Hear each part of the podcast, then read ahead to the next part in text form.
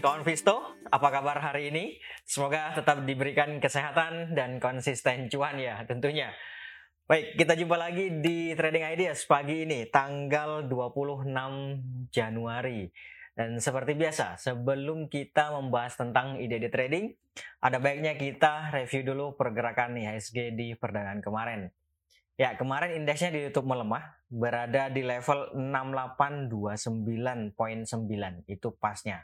Kalau mau dibuletin ya 6830 eh, boleh juga gitu ya. Nah, pelemahannya kalau secara poin pelemahannya sebanyak 30 poin ya. Ini lumayan lah ya, lumayan banyak sih.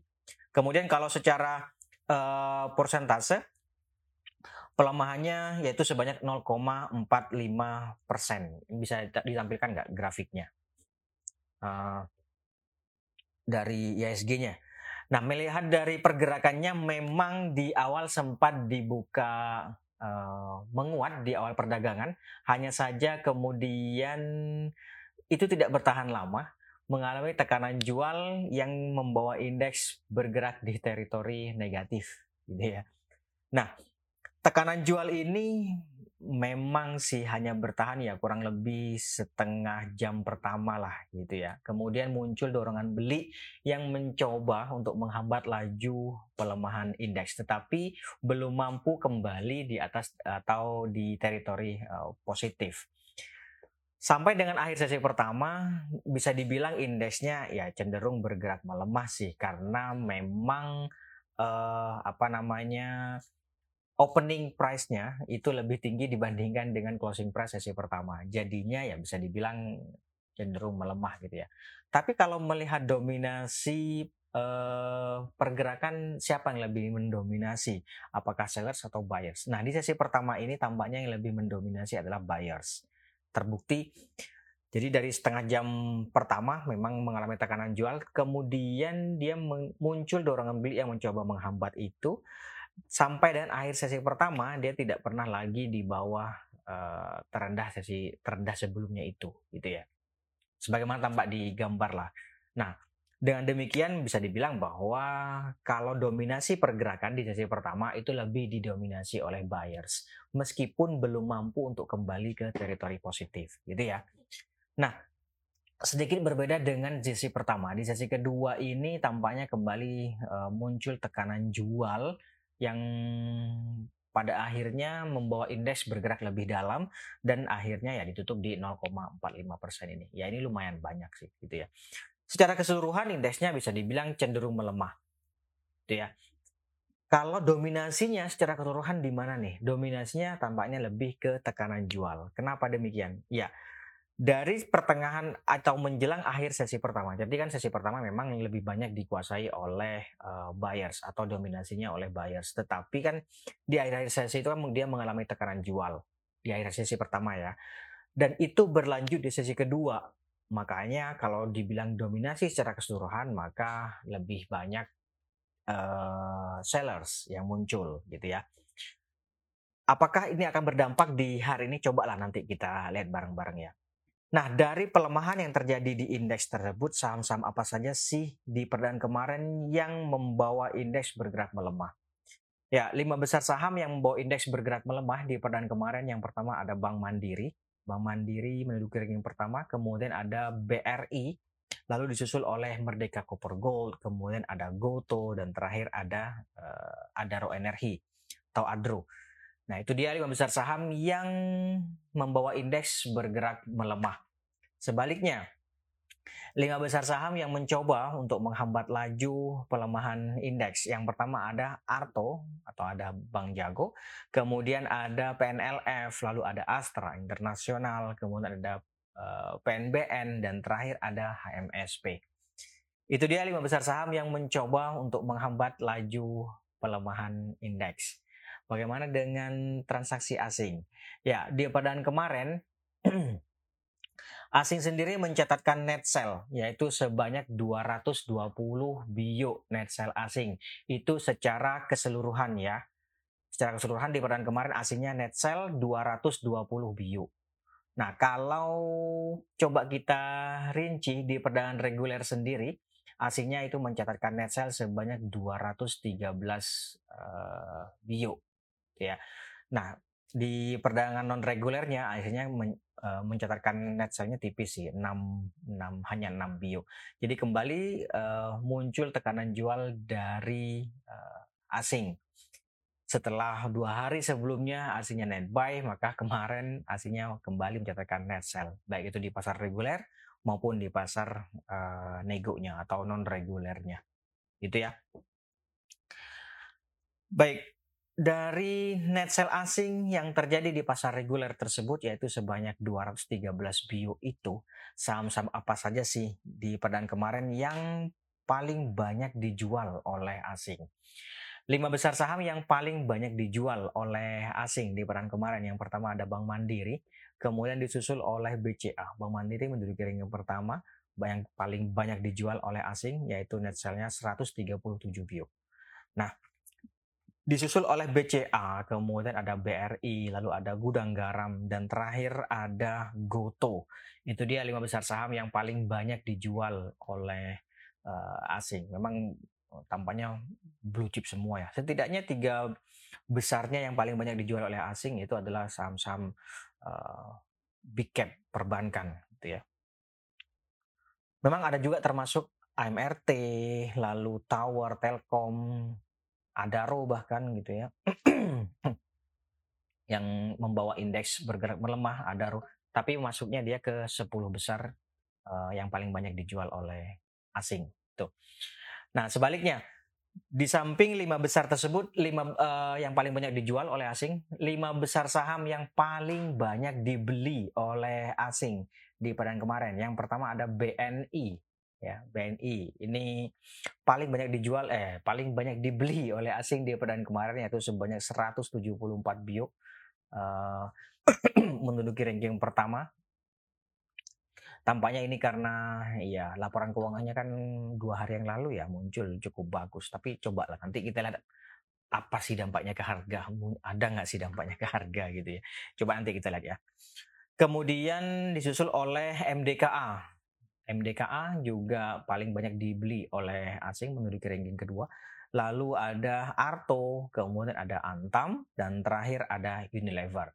Itu dia lima besar saham yang paling banyak dibeli oleh asing. Memang sih ada juga uh, Astra Internasional, kemudian BBYB, lalu ada Mika, itu juga paling banyak dibeli oleh asing. Akan tetapi itu masuknya ke 10 besar. Baik, saya kira itu untuk transaksi asing. Bagaimana outlook hari ini? Oke, nah sekarang kita pindah ke sini kawan. ya, kalau melihat pergerakan indeks di perdagangan kemarin, ini ya, uh, setelah dia mengalami kegagalan melewati resistance level yang ada di sini nih, ya, ini di 6 ini 6925 ya di 6925 lah di kisaran itu ya atau ya kalau dengan closing kemarin terdekatnya sih memang 6870 6870 itu di level-level sini kawan. Tapi yang jelas dia uh, nih ya saya kasih uh, saya perkecil lagi deh. Ini kan bisa dibilang downtrend minor downtrend setidaknya selama 3-4 bulan terakhir lah atau lima bulan terakhir lah gitu ya. Belum sampai enam bulan jadi belum bisa dibilang uh, moderate gitu. Masih dibilang minor. Ya minor downtrend yang terjadi sampai dengan saat ini belum mampu dipatahkan ya kan? Atau dengan kata lain tampaknya indeks belum mampu mematahkan kecenderungan melemahnya. Dan saya pikir ini akan ada potensi untuk berlanjut melemah atau melanjutkan pelemahannya. Terlebih lagi bearish crossover juga terjadi kan di stokastiknya di sini. Itu ya. Nah Uh, melihat dari bearish crossover yang terjadi ini, ini yang akan berpotensi membawa indeks bergerak uh, melemah. Meskipun untuk hari ini sih bisa saja dia melanjutkan konsolidasi terlebih dahulu atau bergerak menguat terlebih dahulu gitu ya. Tapi seiring dan berjalannya waktu ada potensi untuk uh, mengalami pelemahan. Gitu ya. Jadi hari ini diperkirakan indeks akan kembali bergerak fluktuatif dengan uh, kecenderungan ada potensi melemah masih melemah terbatas. Gitu ya. Ring pergerakan antara 6 790 sampai dengan 6870 itu yang terdekat kawan. Itu ya. Baik, Saya pikir itu untuk IHSG. Sekarang kita ke ide trading. Barangkali ada yang punya ide trading yang menarik. Oh, boleh dong di share ya di kolom chat nanti kita lihat bareng-bareng ya. Biar bisa cuan bareng-bareng juga. Oke. ya, baik. Uh, ide trading yang pertama, yang pertama ada sebentar, saya lihat dulu. Kita ke INTP dulu ya. INTP. Oke, nah dia INTP. Sebenarnya INTP ini masih melanjutkan konsolidasi. Bisa dibilang melanjutkan konsolidasi sih. Kalau melihat tekanan jual yang terjadi, terlebih lagi uh, stokasnya kan sudah oversold sih, ya nggak sih? Nah, kalau melihat uh, ini nih, ini kan sebenarnya dia mencoba untuk bertahan di atas MA 200 nih. Kelihatan nggak MA 200-nya ya? Nih, saya saya gedein dulu deh. Nah, ini. Ini yang EMA 200 ini yang coklat nih kawan. Oke. Nah, melihat ini saya pikir ada baiknya sih dipertimbangkan untuk buy on weakness. Idealnya sih buy on weakness gitu ya. Cuman uh, ya kalaupun mau spekulatif buy boleh saja. Misalnya nih spekulatif buy di 9.800 sampai 9.850 misalnya. Ya boleh aja sih di level-level itu gitu ya. Tapi kalau bicara ideal atau setidaknya ya cukup ideal lah itu buy on witness-nya di 9700 sampai dengan 9800. 9700 itu ya uji MA 200 ini kawan. Gitu. Itu cukup ideal lah untuk di situ. 97 sampai dengan 98. Kalau idealnya ya di sini nih 9650 sampai 9700 atau setidaknya ya 9750. Tapi 97 sampai 98 saya pikir boleh lah gitu ya. Nanti target take profitnya di berapa? Targetnya 10.075 di sini nih. 10.075 atau barangkali kemarin sudah ada yang ikutan memang sih terdekatnya itu ada di 9975 di sini kawan uji MA 20 ini MA 20 ini ini adalah di 9975 boleh juga kalau misalnya dapat harga di 9700 misalnya ya dapat harga 9700 katakanlah eh, kemarin dapat harga 9750 gitu misalnya atau uh, sebelum sebelumnya dapat harga 9700 atau hari ini misalnya dapat harga di 9700 atau bahkan dapat 9750 deh gitu ya. Itu bisa dipertimbangkan juga TP-nya di 9 di 9975. Itu yang terdekat. Di atasnya sih 10075 lalu di atasnya lagi ada 10.200. Kalau misalnya dapat harga di berapa? 9800 atau 9875 eh, 9850 yang spekulatif buy 9850 berharap ke 10.075 itu boleh juga. Boleh sih dipertimbangkan untuk take profitnya di 10.075, di atasnya sih 10.200 gitu ya. Tapi saran saya sih kalau di bawah dapat dapat harga di bawah 9800 uh, 9975 sudah cukup sih. Untunglah yang jelas gitu ya. Stop lossnya nanti kalau harga ternyata melemah sampai di bawah 9625 atau ya sekalian di bawah 9525. 9625 itu di sini kawan. Gitu. Oke, itu untuk INTP. Kemudian berikutnya ada BP. BP, kita lihat BP dulu ya. Oke, ini BP ini cukup menarik juga sih. Dia uh, dua hari terakhir dia mengalami penguatan. Ya setidaknya lah bergerak menguat gitu ya. Meskipun sebenarnya kan mengalami atau uh, melanjutkan konsolidasi benar nggak? Supportnya kan di sini 146 nih. Coba saya uh, sebentar. Nih sini nih garis yang merah nih kawan. Iya, ini kan uh, supportnya. Jadi idealnya sih ini buy on weakness 146 ya 146 148 lah 146 148 gitu misalnya. Ya itu cukup ideal sih untuk uh, buy on witness di level-level itu. Kalau dapat harga 146 ya nggak usah jauh-jauh. Dapat harga 146 saya pikir 150 ya udah bisa sih dipertimbangkan take, take profit gitu ya. Tapi kalau misalnya spekulatif buy katakanlah dapat harga di 148 atau 149 gitu ya. TP-nya di berapa? TP-nya menurut saya sih cukup ideal di sini kawan. Ini berapa ini? 156. Wah, itu cukup sih. Yang terdekat deh, yang terdekat 152. 152 cukup nggak? misalnya dapat harga di berapa? 148, 149. Katakanlah dapat harga di 149 ya. Kemudian kita jualnya di 152, berarti kan 3 poin. 3 poin uh, untungnya 2% kotor, 1,6% bersih. Saya sih cukup. Kalau belum cukup ya bolehlah dinaikin di ya ini 156 juga boleh sih 156. Bahkan dapat harga di 150 kemudian take profit 156 ya itu sudah untung sih, Pak. Ya menurut saya sih sudah cukup ya. 4% kotor. 3,6 berarti kalau bersihnya. Tapi menurut saya ter, yang terdekat aja 152 menurut saya sih cukup. Apalagi dapat harga di 148 itu. 149 ke bawah lah gitu ya. Oke, itu untuk BP kawan. Kemudian kita lanjut lagi ada MNCN, Mancini. Nah, ya MNCN kemarin sih ditutup menguat tipis sih, hanya satu poin atau uh, lima lima rupiah gitu ya. Sebenarnya dia melanjutkan konsolidasi sih. Jadi menurut saya mending buy on breakouts di atas 685. Misalnya hari ini terjadi penguatan di atas 685 dengan volume yang eh, mendukung, yang banyak gitu ya. Bisa sih dipertimbangkan untuk trading buy, nanti target take profitnya paling deket sih 700. Cukup nggak sih kalau 700 gitu ya? Hmm, di atasnya, di atasnya 700 deh. 705. Ya 700 705. 705 boleh lah gitu ya di atasnya lagi. Nih di atasnya nih ada ini kawan. Ini berapa nih? Ini 720.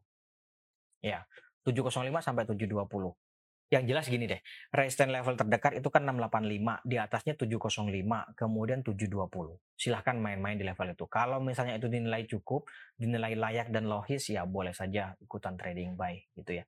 Jadi menurut saya, tapi kalau bicara ideal, sekali lagi, setidaknya cukup ideal lah. Buy on breakout di atas 685. Supportnya di berapa? Dengan closing kemarin supportnya ya di sini tentunya kawan sudah bisa ditebak ya oleh uh, kawan Visto semua.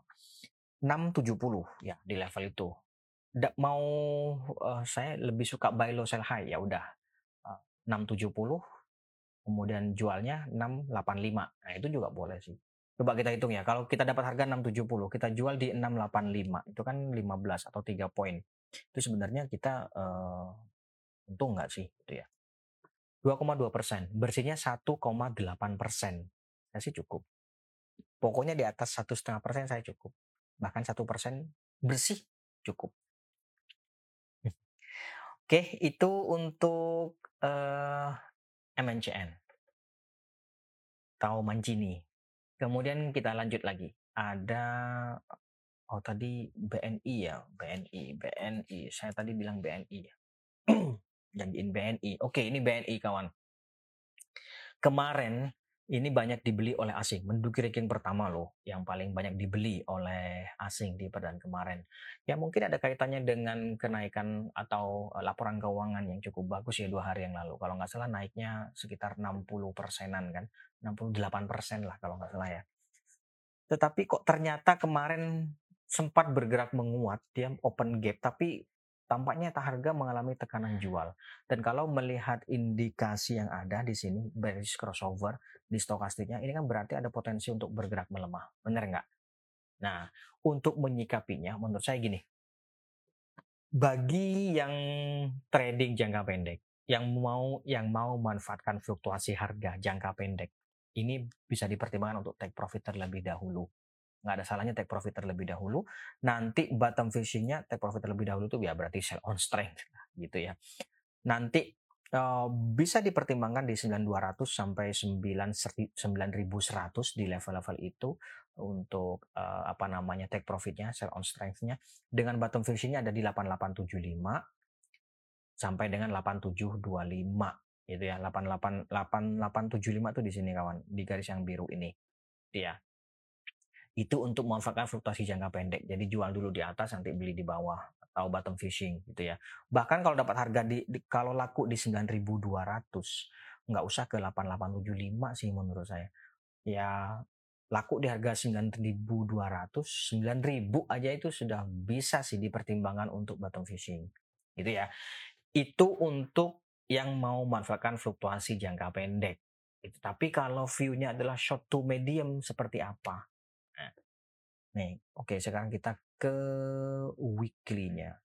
Nah, ini dia kalau weekly-nya kawan.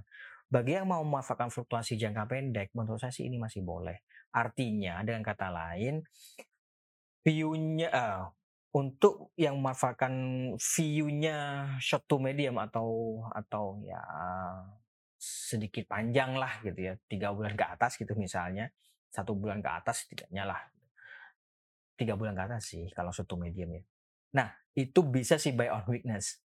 Buy on weakness ya jadi pertimbangkan di sini nih. 88 ya 8875 lagi gitu ya buy on witnessnya setidaknya sampai 8975 lah itu yang terdekat buy on witnessnya itu view-nya short to medium. Kalau mau kalau mau memanfaatkan fluktuasi harga jangka pendek maka tadi seperti yang saya sampaikan uh, sebelumnya. Gitu ya oke itu untuk BNI kawan cukup menarik sih untuk short to medium sekali lagi short to medium kuncinya itu Berikutnya ada OASA. Nah, OASA ini tampaknya ada aksi korporasi. Jadi eh, saya belum melihat aksi korporasinya. Hmm, grafiknya belum saya update. Jadi ini PR lah buat besok. Besok ditanyain lagi ya. Bagi yang nanya tadi boleh ditanyain lagi besok. OASA. Oke, itu untuk puasa. Kita lanjut lagi. Ada ADMR.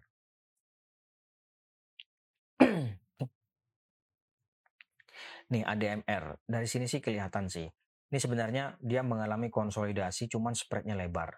Bisa kelihatan nggak? Saya gedein dulu deh. Saya gede dulu. Nah, gini nih. Kelihatan kan ya? Ya, konsolidasinya antara 1630 sampai dengan 1900. Itu lebar banget sih uh, konsolidasinya gitu ya.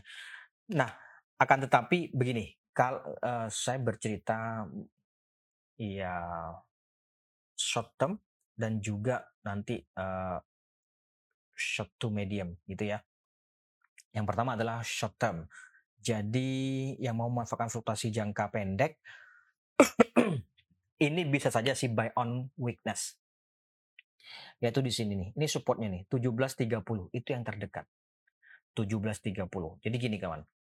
Ini kan ada tadi memang sih saya sudah sampaikan bahwa eh, apa namanya konsolidasinya 1630 sampai dengan 1900. Tetapi di antara di ring itu itu kan yang pergerakan lebarnya ya di antara harga-harga itu dia muncul uh, support resist yang juga bisa dibilang cukup kuat. Nggak lemah sih, tapi juga nggak kuat gitu ya. Tapi cukup kuat. Jadi lemah, uh, cukup kuat, kuat gitulah ya. Nah berada di tengah-tengah lah gitu ya. Tapi cukup kuat, bukan cukup lemah, tapi cukup kuat. Yaitu di sini nih di 17.30. Makanya boleh saja dipertimbangkan untuk buy on weakness di level itu. Hanya saja perlu diperhatikan pelemahan di bawah 17.30 ini maka akan ada potensi untuk mengalami konsolidasi lagi di bawah sini nih 16.30 sampai 17.30 di level-level itu. Gitu kawan. Nah, kalau mem, kalau melihat uh, ini bearish crossover yang di stokastik, maka kan masih ada potensi nih untuk mengalami pelemahan. Benar nggak? Jadi ada potensi dia uji support yang ada di sini nih 1730. Coba aja dilihat mampu nggak dia bertahan di atas 1730 ini. Kalau dia mampu bertahan ini bisa saja ikutan spekulatif buy. Gitu ya. Nanti targetnya di berapa? Misalnya dapat harga di 1730 menurut saya sih nggak usah jauh-jauh. 1795 sampai dengan di sini aja nih 1820 itu sudah cukup sih. Ya nggak sih?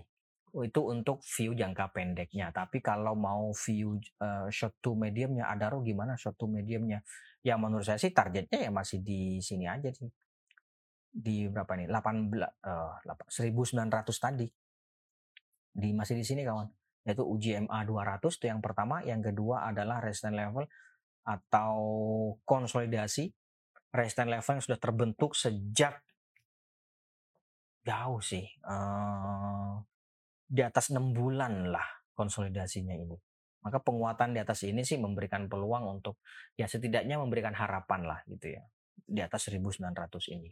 Makanya untuk untuk short to medium menurut saya sih masih resistennya ya di 1900 ini gitu kawan. Kalau untuk short termnya di 1820 ini itu yang terdekat. Oke Baik, saya pikir itu untuk ADMR. Kita lanjut dulu. Ada BCA. BCA, saya persingkat ya karena waktunya sudah uh, hampir habis. Jadi BCA ini kemarin juga ditutup melemah. Ini idealnya adalah masih buy on weakness. Buy on weakness ini uh, apa namanya? Seharusnya yang meman yang memanfaatkan yang meman yang memanfaatkan fluktuasi jangka pendek kemarin-kemarin sudah TP ya kan. Nah sekarang tinggal nunggu lagi di bawah nih, yaitu di berapa? Di setidaknya ini nih, di 8125, 8000 sampai dengan 8100 itu untuk BCA untuk jangka pendeknya. Nanti target take profitnya ya nggak usah jauh-jauh lagi 8275 misalnya dapat harga 8181 itu misalnya atau 8000 ya nggak usah jauh-jauh 8275 83 ya boleh sih dipertimbangkan take profit. Itu yang untuk jangka pendeknya. Tapi kalau untuk short to medium ini buy on minusnya masih relatif jauh. Masih di sini nih. Ini cukup ini ideal nih. Ya nggak sih? Ini ideal beli di sini nih 7.700. Ini weekly ya. 7.700 itu uh, uh, ideal. Itu ideal.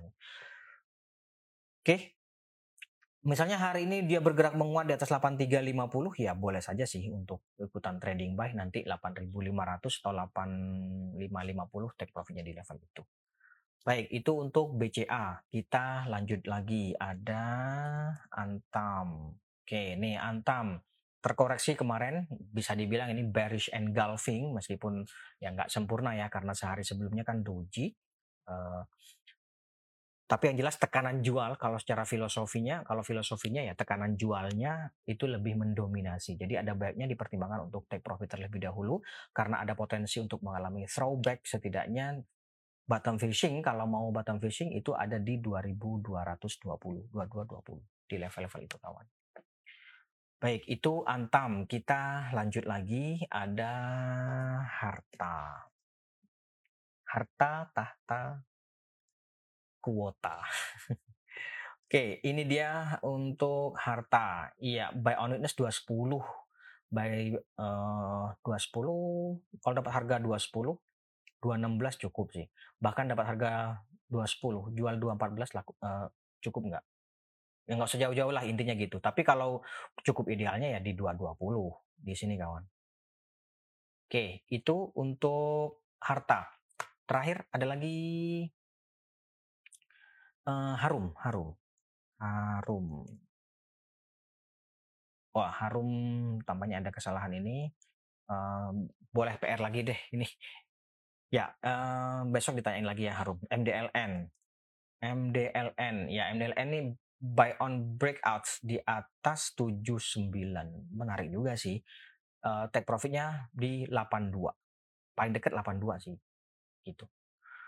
Oke, baik. Saya pikir itu dulu Konvisto untuk hari ini. Terima kasih atas kehadiran dan partisipasinya. Kita jumpa lagi besok Tetap jaga kesehatan. Mohon maaf jika ada salah kata. Sekali lagi terima kasih. Selamat pagi. Salam investasiku better tomorrow.